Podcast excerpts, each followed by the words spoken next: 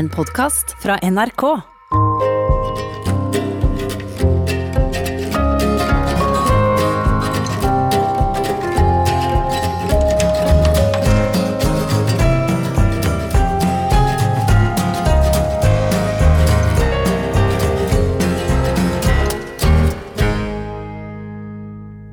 I det siste har jeg tenkt en del på Pushwagners trykk Kosmos.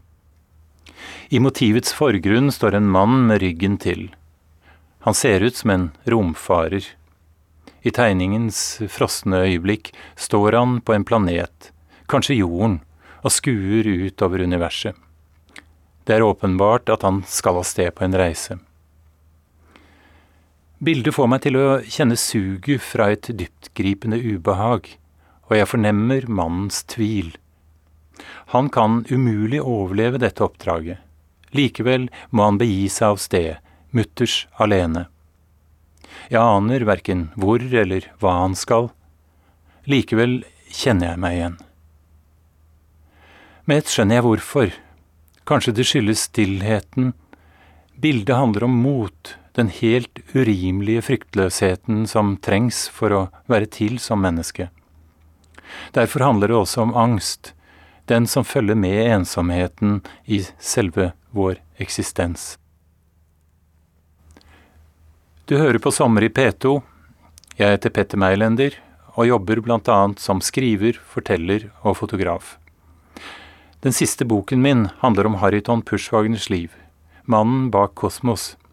En billedkunstner som knapt kunne vært mer ulik meg selv. Likevel virker motivene hans sterkt inn på meg. Det er paradoksalt. Der han var en selvdestruktiv og rotløs pessimist, er jeg en veltilpasset optimist. Slik oppfattet jeg det iallfall for 13 år siden, før jeg begynte å lytte til det han ville si meg. Men da gikk det ikke mange dagene før jeg forsto at hans livsfortelling også handlet om meg. På et eller annet tidspunkt skjønner alle barn at de befinner seg i en ubegripelig virkelighet, og at de snart må gi seg i kast med voksenlivet, alene. Det er en skrekkinnjagende erkjennelse, som antakelig aldri slipper tak i oss, for ingen er godt nok rustet til å mestre den oppgaven. Som kunstner brukte Pushwagner slike smertefulle eksistensielle erkjennelser fra barndommen for det de var verdt. Ja, han slapp aldri unna barnet i seg, og kunne derfor blåse av et hvilket som helst hverdagsproblem, som for eksempel ubetalte regninger. Hva betyr det sammenlignet med at jorda fyker rundt sola i 30 000 km i timen, kunne han utbryte. Ja, noen ganger er det faktisk lurt å plassere seg mentalt et annet sted for å begripe hva vi mennesker holder på med. Men det gjør oss ikke mindre ensomme. Det er vel derfor vi alle, dypt inni oss, vet at vi er totalt hjelpeløse og trenger hjelp. Help, I need somebody, help, not just anybody, help, you know I need someone, help. When I was younger, so much younger than today,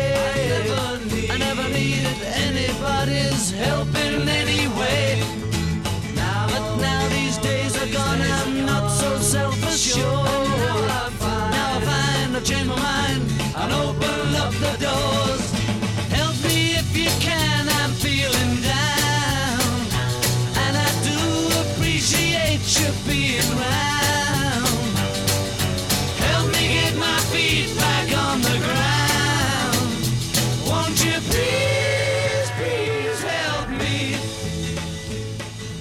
Noe av det første jeg husker fra barndommen, er solformørkelsen onsdag 30. juni 1954. Jeg hadde nylig fylt to år, og kjenner fortsatt uhyggen fra den dagen. Det var en strålende sommer, og vi var på badetur, men så, sakte, men sikkert, mørknet alt rundt oss, og stillheten la seg lik et svart teppe over landskapet. Det var som om hele naturen, ja, selve jorden, sluknet. Ikke et menneske gjorde det minste motstand. Vi gled inn i intet, uten en lyd. Det var uhyggelig. Jeg tror på effekten av slike følelsesarr. De sitter i oss og kan ta kontroll over våre valg og reaksjonsmønstre senere i livet.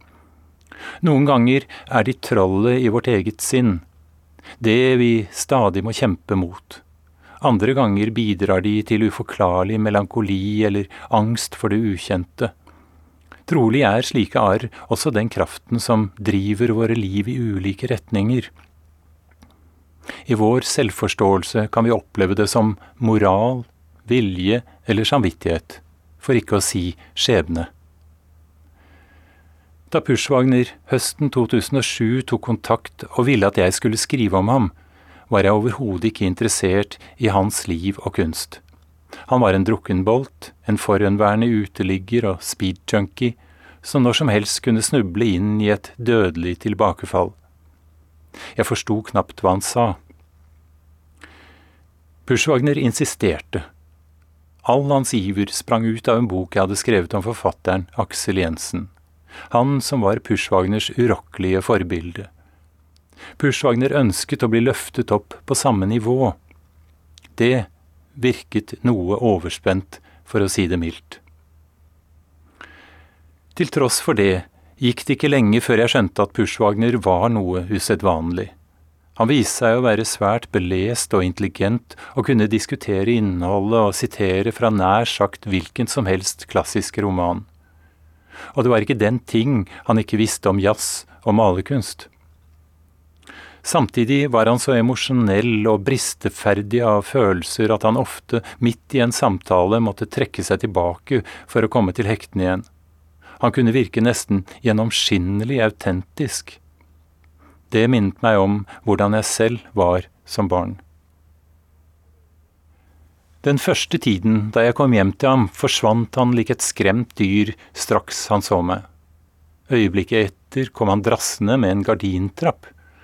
Han plasserte den foran meg og klatret opp til min høyde, la armene rundt meg og ga meg en klem før han forduftet lik et høysensitivt barn.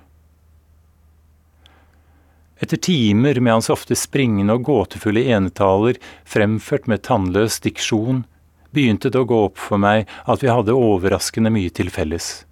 Blant annet hadde vi med nøyaktig tolv års mellomrom vokst opp i det samme villaområdet på Berg i Oslo.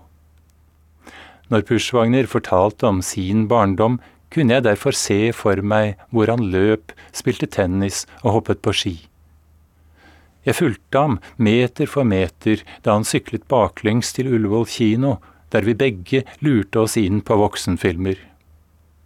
Jeg kunne også, som om jeg var der sammen med ham, bli med inn i et av hans livs verste traumer. Det var lille julaften 1944.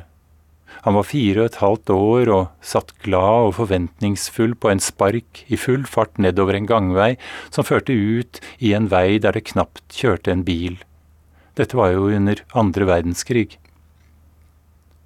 Snøen lavet ned, og hans ett år eldre kamerat sto bak ham på meiene og styrte, mens en litt eldre venn varslet klar bane nede ved veien.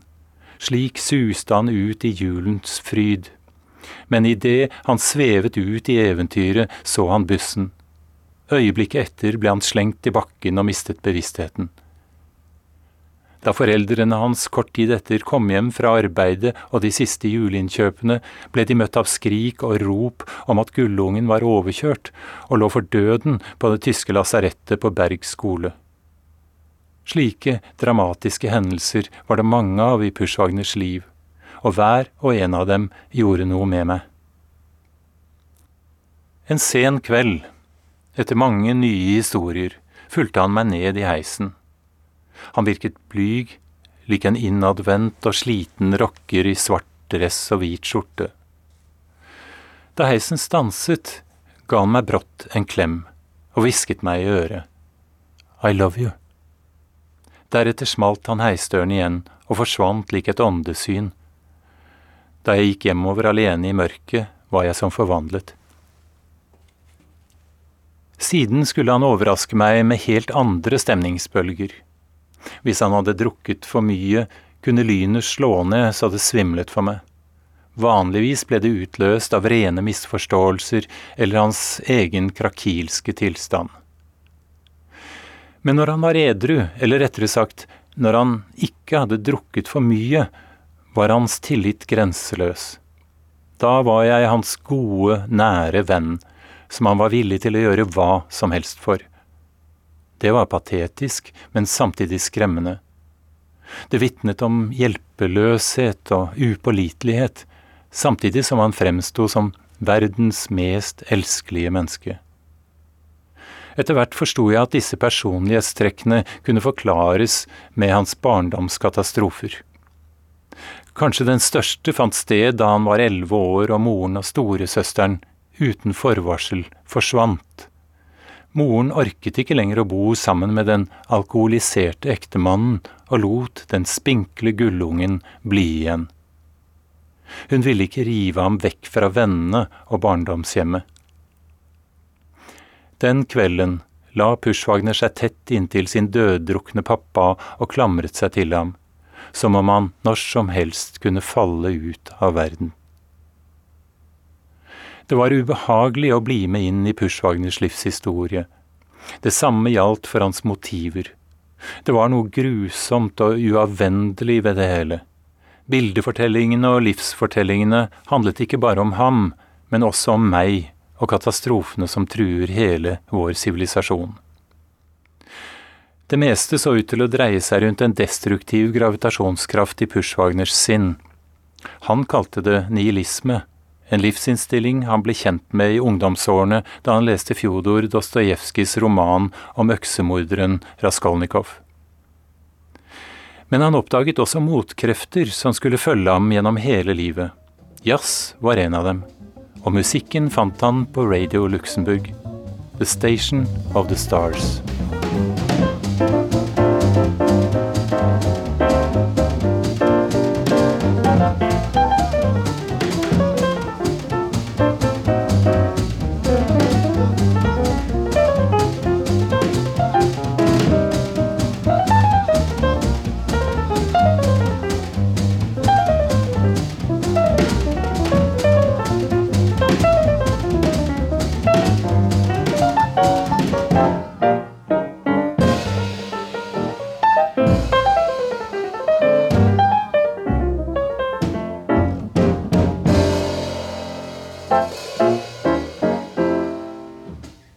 Hører på Sommer i P2.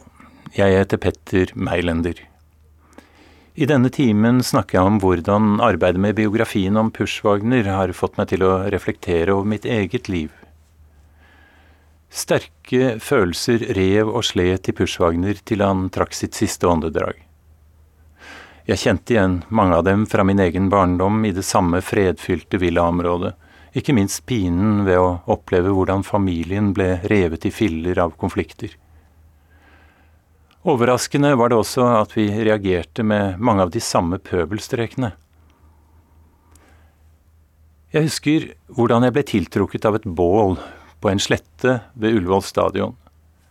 Da ilden dabbet av, ble det slengt en trekasse oppi glohaugen. Den ble liggende med bunnen opp, liksom en plattform, da fikk jeg ånden over meg. Jeg tok fart og hoppet. Jeg vil vise de andre ungene at det gikk an å stå på kassen uten å bli grillet.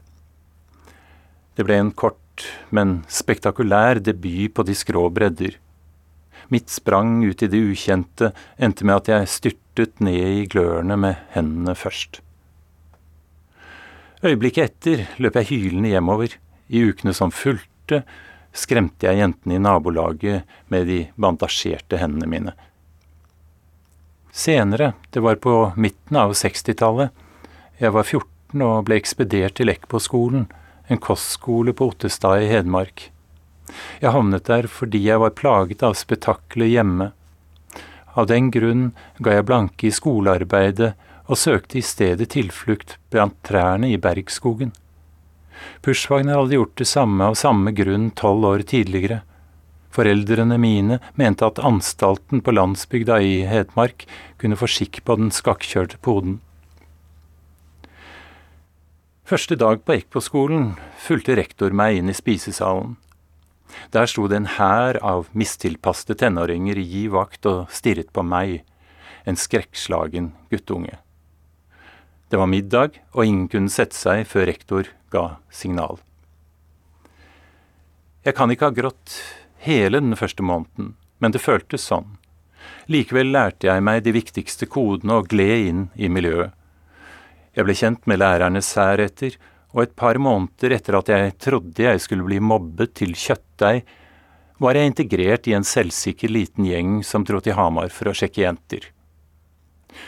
Slik fullførte jeg forvandlingen fra ulykkelig guttunge til herdet kjekkas, og jeg følte meg ikke lenger så ensom og fortapt da jeg kom hjem til Berg og sto på startstreken til et helt nytt liv som 15-åring. Jeg var klar for enda en reise i livets kosmos. Some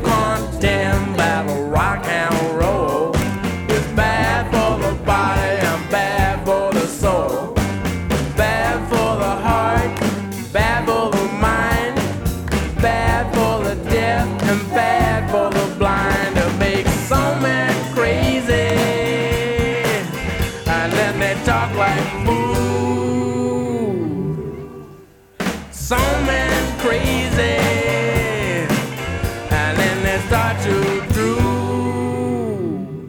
Da Pushwagner fortalte om sine pøbelstreker, var det som om han leste høyt fra min uskrevne dagbok.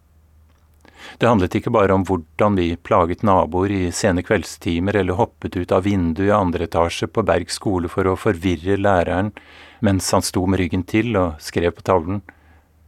Vi våget oss også på mer avanserte skurkestreker. Da Pushwagner fortalte at han hadde forsøkt å sabotere Sognsvannsbanen, måpte jeg. Det var jo skritt for skritt min historie. Uten den fjerneste anelse om hans meritter snek jeg og mine kamerater oss ut i nattens mulm og mørke for å smøre grønnsåpe på noen titalls meter av skinnegangen mellom Ullevål stadion og Berg stasjon. Pushwagner og hans venner hadde brukt olje da trikken, som vi kalte den, kom, spant hjulene og vognen mistet all fart i oppoverbakken. Men så, akkurat idet den så ut til å stanse, fikk drivhjulene igjen feste og trikken kunne fortsette til Sognsvann. Da løp vi, og var sikre på at politiet allerede hadde tatt opp jakten. Et sted måtte hormonene og frustrasjonene få utløp. En gang påtok jeg meg skylden for en mer råbarket eldre venns sykkeltyveri. Han mente at jeg, med mitt plettfrie rulleblad, ville bli mildt behandlet. Da han lovte meg et trommesett, gikk jeg med på løgnen. Trommer var akkurat hva jeg trengte for å realisere drømmen om å bli rockestjerne. Det jeg ikke visste, var at den stjålne sykkelen tilhørte en klassekamerat som levde alene med moren, og absolutt ikke var blant skolens mest eh, ressurssterke. Plutselig dreide tyveriet seg ikke bare om en uskyldig løgn, jeg måtte innrømme at jeg hadde plaget en gutt jeg følte sympati for. Det skar seg rett inn i samvittigheten. Det ble ikke bedre da foreldrene mine ble varslet og jeg måtte stille til forhør på politiets hovedkontor i Victoria terrasse. Etter en pinefull serie med løgner og signering av forhørsprotokollen fikk jeg beskjed om å møte opp hjemme hos klassekameraten og be om unnskyldning til både ham og moren. Da jeg trodde jeg ikke kunne synke dypere, gikk det opp for meg at hele trommebelønningen var en bløff. Alt som kom ut av vennetjenesten, var en knugende følelse av at jeg ikke kunne stole på noen. Heller ikke meg selv. Under husarresten hjemme fikk jeg rikelig anledning til å gruble over svik og urett. Den sleipe skurken gikk fri, mens jeg som hadde hjulpet ham ut av knipen, ble straffet. Rettferdighet var sannelig ikke et fast punkt i tilværelsen. På denne tiden ble barndomshjemmet definitivt knust, og jeg flyttet til et nytt krypinn sammen med mor. Men ikke lenger unna enn at jeg hørte min sengekamerat og trøster fuglehunden Ricky kalle på meg. Jeg klandret både mor og far for familiehavariet, men forsto samtidig at skilsmisse var den eneste akseptable løsningen. Min fordel fremfor Pushwagner var at jeg flyttet med mor, den viktige omsorgspersonen. Jeg ble valgt og støttet og fikk kjærlighet, mens Pushwagner opplevde at han ble forkastet og forlatt, nok en gang sveket. Lengselen etter noe annet og bedre førte til mye grubling og tankeflukt, som drev oss begge inn i skjønnlitteraturens gavmilde verden. Jeg snublet også over bøker om universet, både det ytre og det indre. Jeremiva Sitinski og Sigmund Freud vekket en kunnskapslyst som lærernes tørre bjeff hadde drept. Med Jens Bjørneboe, Knut Hamsun og Sigurd Hoel fikk jeg innsikt i den virkeligheten jeg selv befant meg i. Med nobelprisvinneren Herman Hesse fikk jeg dekket min romantiske lengsel etter en forening av en einstøings opprør med fellesskapets balanse. Jeg demonstrerte fortsatt min skolevegring ved å skrive dårlige stiler, men en dag fikk jeg overraskende tenning. Den strenge norsklæreren ga oss en stiloppgave som gjorde det mulig for meg å bruke Freuds skarpsindighet. Med liv og lyst skrev jeg en engasjert og kritisk stil om religiøsitet. For meg var det en milepæl. Læreren belønnet meg med dårligst mulig karakter. Han mente at jeg, som den fortapte sinken jeg vitterlig var, ikke kunne ha skrevet noe så avansert. Behandlingen var ikke bare nedverdigende og urettferdig. Den var beviset på hvor forstokket lærere var. Salamandere, som Bjørneboe kalte dem, var sadistiske maktmennesker som elsket å kue barn. Verdens urett så ut til å forfølge meg.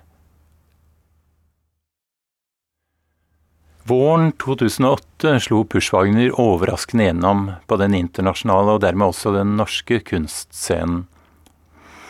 Som Pushwagners biograf og følgesvenn hadde jeg den forunderlige fornøyelsen av å oppleve fra innsiden hvordan han ble omsvermet og bejublet. I Norge ble han en mediebegivenhet, og Høstutstillingen ga ham æresprisen. Selv bidro jeg med det første offentlige foredraget om ham og en liten bok om hans liv og kunst. Det ble et år med masse støy og stress, men fremfor alt lykksalighet for den fattige kunstneren. Han skuffet inn sine første millioner og måtte håndtere den eventyrlige overgangen fra fyllik og tigger til fetert og folkekjær kunstner, som alle ville ha en bit av. Da jeg denne høsten var med Pushwagner i talkshowet til Anne Lindmo, trodde jeg han skulle omkomme av stress. Han drakk, valset ukontrollert rundt og hvisket vulgariteter inn i programlederens øre. Når han mistet grepet, spilte han ballen over til meg med ordene ja, Det får min biograf svar på. Jeg følte meg som en butler i en grotesk tragedie, og så med forskrekkelse hvordan halspulsåren hans bulte. Jeg var sikker på at han ville falle død om før opptaket var over. Hver gang vi var sammen, måtte jeg drive en hårfin balansering mellom vennskap og rollen som profesjonell forfatter. Jeg holdt åpningsforedraget på utstillingene hans og uttalte meg om ham i media på fritt grunnlag. Jeg var plutselig blitt Pushwagner-ekspert. Det var ikke lett, og det kom til heftige konfrontasjoner når han ville lønne meg og gjøre meg til informasjonssjef i AS Pushwagner. Men når tordenværet gled over, landet han alltid på en grunnleggende respekt for mitt arbeid og min uavhengighet liksom jeg respekterte hans absolutte frihet og selvstendighet i det kunstneriske. Det var vokst frem en spesiell tillit mellom oss, og vi forsto begge at det var den som måtte bære oss frem mot den grundige og sannferdige biografien han ønsket seg. Samtalene våre fortsatte, men nå kunne også jeg fortelle hvordan min skjebne i ungdomsårene løp parallelt med hans for som ham brøt også jeg med Berg skole midt i et skoleår. Det skjedde i annen gym, altså i andre klasse på videregående i januar 1970. 17 år gammel, med falsk legitimasjon som 18-åring, begynte jeg som bryggesjauer på Oslo havn. Endelig gjorde jeg noe selvstendig, nyttig og målrettet, noe som ga håndfaste resultater. Jeg sto grytidlig opp for å legge bryggekortet under en stein utenfor hovedinngangen til gamle losjen, der jobbene ble fordelt. De som var tidligst ute, sto først i køen for dagjobb. Med selvtjente penger stakk jeg av fra Norge for å oppsøke den aller mest ettertraktede friheten. Etter en uke som haiker havnet jeg i Cannes sammen med en brite som hadde kjøpt metalldetektor for å lete etter smykker på stranden. Det var festivaltid, og jeg gikk rundt med mitt nyinnkjøpte speilreflekskamera og fotograferte lettkledde damer som drømte om filmjobb, mens min britiske venn gravde frem den ene bruskorken etter den andre fra stranden. Snart stappet jeg soveposen ned i berganssekken og haiket videre gjennom Italia via Firenze og Roma til Sicilia. Omtrent slik Pushwagner hadde holdt det gående ti år tidligere, bortsett fra at han valgte Spania og tre døgn i Tanger. Jeg havnet på Malta. Mens jeg overveide hvordan det ville være å gå i Aksel Jensens fotspor inn i Sahara-ørkenen, snublet jeg over en seilbåt som trengte mannskap til Hellas. Dermed ga lykken meg noen rosenrøde dager og netter som styrmann over Middelhavet med delfiner dansende rundt skuttsiden. Det slår meg hvor ofte mine viktigste livsvalg, i likhet med Pushwagners, ble styrt av tilfeldigheter. Det var bare å si ja takk og bli med på ferden. Likevel krevde det vilje og tillitsfullhet og en munnfull dumdristighet. Flaks hadde jeg også da jeg møtte skottene Gus og Mike på et ungdomsherberg i Aten. De lokket meg med til Mykonos, der Pushwagner hadde tegnet en fiskebåt ni år tidligere. Han dro videre til Rodos og Levanten, mens jeg havnet i hippieredet Paradise Beach, der omflakkende ungdom fra alle verdensdeler bodde i selvbygde stråhytter. Det var ikke noe annet som minnet om sivilisasjon enn et gammelt, hvitkalket murhus, med noen få pinnestoler og vaklende trebord hvor det ble servert gresk husmannskost. Da jeg omsider kom hjem, langhåret og barfotet, etter et mislykket forsøk på å komme videre fra Istanbul til India med 25 dollar i lommen, tok jeg mitt første skritt inn i det som skulle bli mitt voksenliv. Jeg skrev en artikkel om den solfylte øya i Egerhavet, der unge mennesker levde uten klær og bekymringer. Reportasjen ble publisert over fem sider i ukebladet Alle menn, rikt illustrert med mine fotografier, som også inkluderte Midtsidepiken. Debuten ble grensesprengende på flere vis. Først da saken kom på trykk, oppdaget redaktøren at flere av fotografiene brøt bladets sømmelighetsgrense.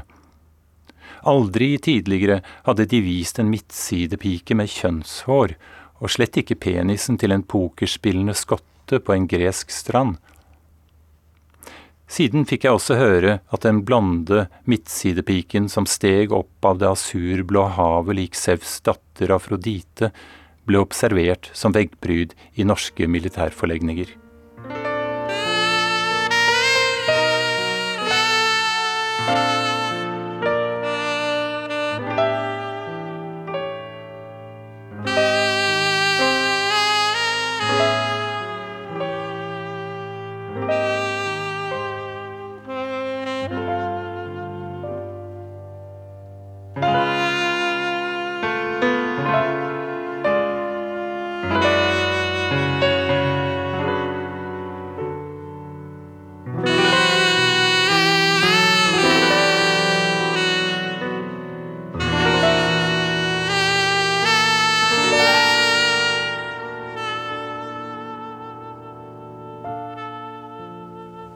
Dette er Sommer i P2, og jeg, Petter Meilender, forsøker å finne sammenhenger mellom Pushwagners og meg, hans biografs oppvekst på beste vestkant i Oslo. Pushwagner gikk til hundene og var oppgitt av alle, før han som ved et trylleslag ble Norges mestselgende kunstner. Jeg beundret hans kunst, men følte meg dårlig bare jeg tenkte på livet hans. Han ville ha min anerkjennelse og ville bli skrevet om, samtidig som han misunte meg mitt familieliv. Vi kom fra det samme, men ble så forskjellige. Hvorfor?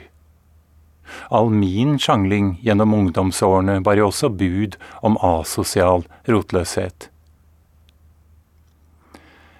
Vi opplevde begge en besettelse for billedkunst. Jeg som fotograf, han som tegner. Jeg ga opp fotograferingen som levevei fordi jeg syntes jeg mistet meg selv hver gang jeg plasserte kamera mellom meg og virkeligheten. Pushwagner derimot brukte billedkunsten til å skape seg et nytt selvbilde. Jeg utviklet en sterkere samvittighet og et tydelig moralsk kompass, mens Pushwagner gjorde sin egosentriske nihilisme til en dyd. Min kursendring startet da vennene mine skulle begynne i tredje gym og snakket om russetid og artium.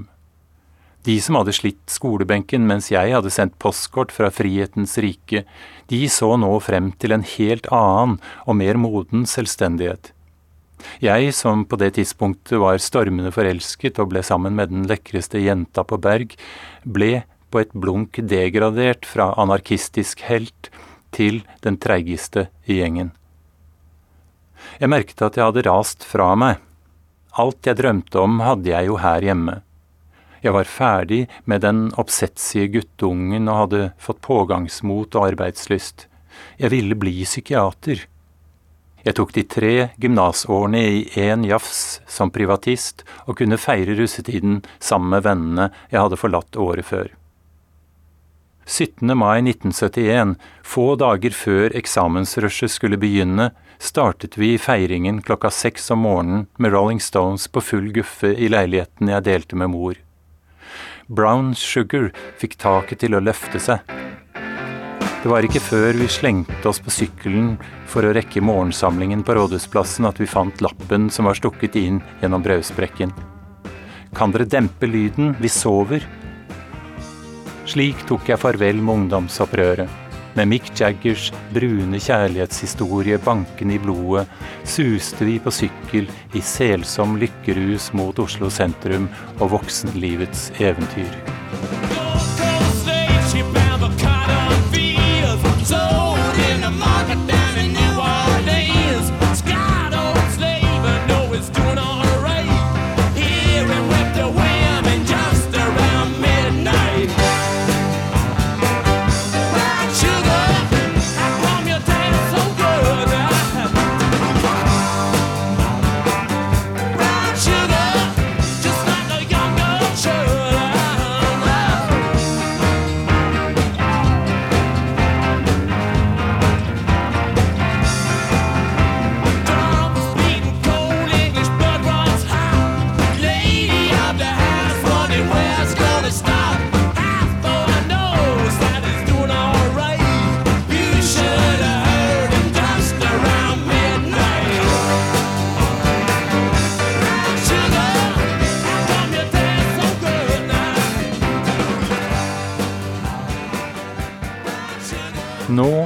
nesten 50 år etter russetiden, kan jeg se tilbake på et liv som veltilpasset familiemenneske med barn og barnebarn.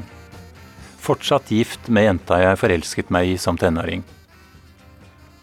På et vis har jeg praktisert det Herman Hesse en gang hvisket meg i øret med romanen 'Glassperlespillet', nemlig at lærlingen må skrive om andres liv for å modnes. Dersom vi skal realisere oss selv, må vi altså forstå andre. Et menneske er jo ikke noe vi er, det er noe vi blir. Derfor finner vi oss selv ved å overvinne oss selv. Glassperlespillet slutter med at den gamle og livskloke hovedpersonen nølende stuper ut i iskaldt brevann. Jeg tenker alltid på denne boken når jeg bader i sjøen om vinteren. Da opplever jeg nemlig en sterk indre motstand før jeg hiver meg uti. Det, til tross for at jeg, av erfaring, utmerket godt vet hvor forfriskende et vinterbad er, og at det gir meg en god følelse av å seire over meg selv. Slik hjelper en romanfortelling meg å utmanøvrere mine indre troll, som antagelig aldri vil gi opp å ta styringen over meg. Det aner meg at Pushwagner tok opp noe av det samme i det bildet han kalte kosmos.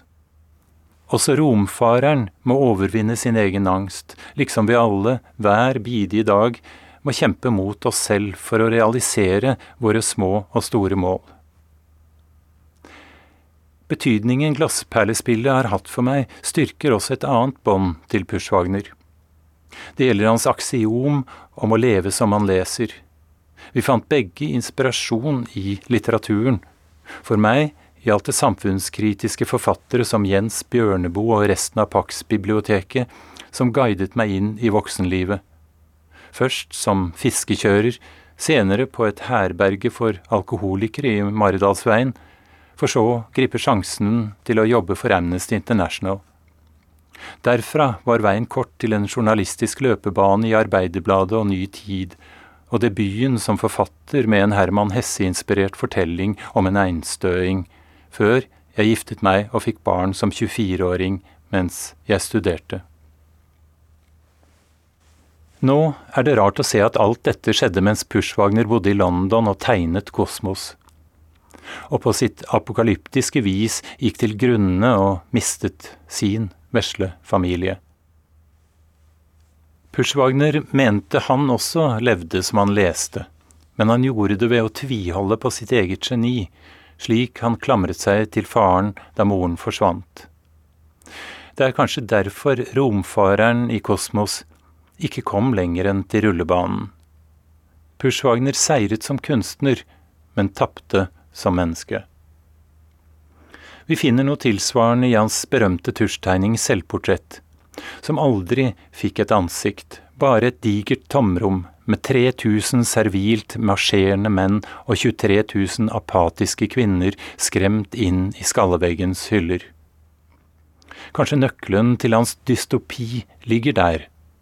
Hva hjelper det med tusenvis av passive kvinner når han ble forlatt av den ene han trengte? Da er det også lite støtte å få hos en håndfull menn som går etter hverandre uten et grann individualitet. Likevel finner jeg et håp i denne dystre pessimismen. Romfareren som nøler og de 26 000 individene uten personlighet forteller oss nemlig noe avgjørende om menneskets potensial. Vi bærer rett og slett hele løsningen inni oss.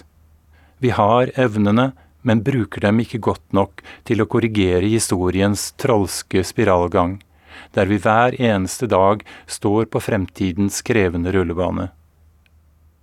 Dermed blir også piloten en av de ytterst få, kanskje den eneste genuine helten i Pushwagners verk. Han er den utvalgte som skal av sted for å redde planeten. Idealet som trosser tvilen og ofrer sitt talent for fellesskapet. Han er det lynraske og modige forbildet som Pushwagner, eller rettere sagt Terje, innerst inne ønsket å være, helt siden han lekte at han var indianeren Hjortefot i Bergskogen.